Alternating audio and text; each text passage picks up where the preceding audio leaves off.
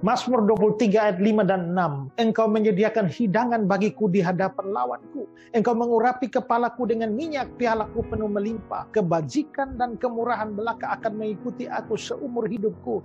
Dan aku akan diam dalam rumah Tuhan sepanjang masa. Mazmur 23 ini berjudul Tuhan adalah gembalaku. Tetapi para penafsir mengatakan bahwa di sini terjadi perubahan gambaran dari Tuhan sebagai gembala itu menjadi Tuhan itu menjadi tuan rumah. Jika Tuhan adalah tuan rumah, maka kita adalah tamu istimewanya. Dan sebagai tamu istimewa, dia menghormati dan menjamu kita.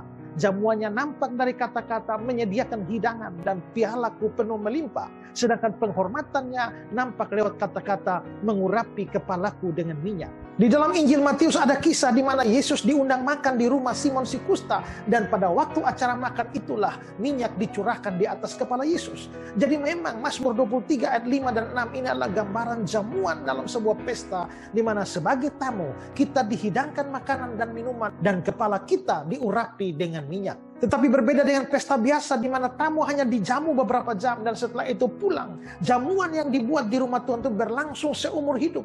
Bahkan mencapai kekekalan sehingga Daud berkata, kebajikan dan kemurahan belaka mengikuti aku seumur hidupku dan aku akan diam dalam rumah Tuhan sepanjang masa. Kalau demikian, apa maksudnya hidangan disediakan di hadapan lawan? Artinya adalah kita akan benar-benar merasa aman dari semua ancaman ketika kita menikmati segala yang baik di rumah Tuhan.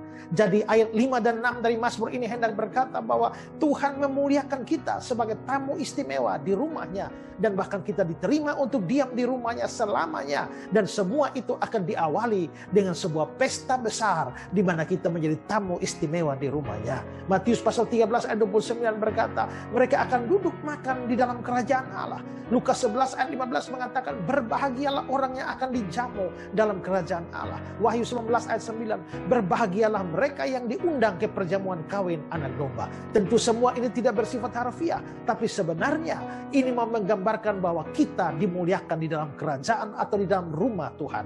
Sebenarnya pada saat di dunia ini Tuhan sudah memuliakan kita. Tapi klimaks dari pemuliaannya itu bagi kita akan terjadi ketika kita masuk dalam kekekalan di rumahnya. Di mana kita akan dijamu sebagai tamu istimewanya. Rindukah saudara menjadi tamu istimewa di rumah Tuhan?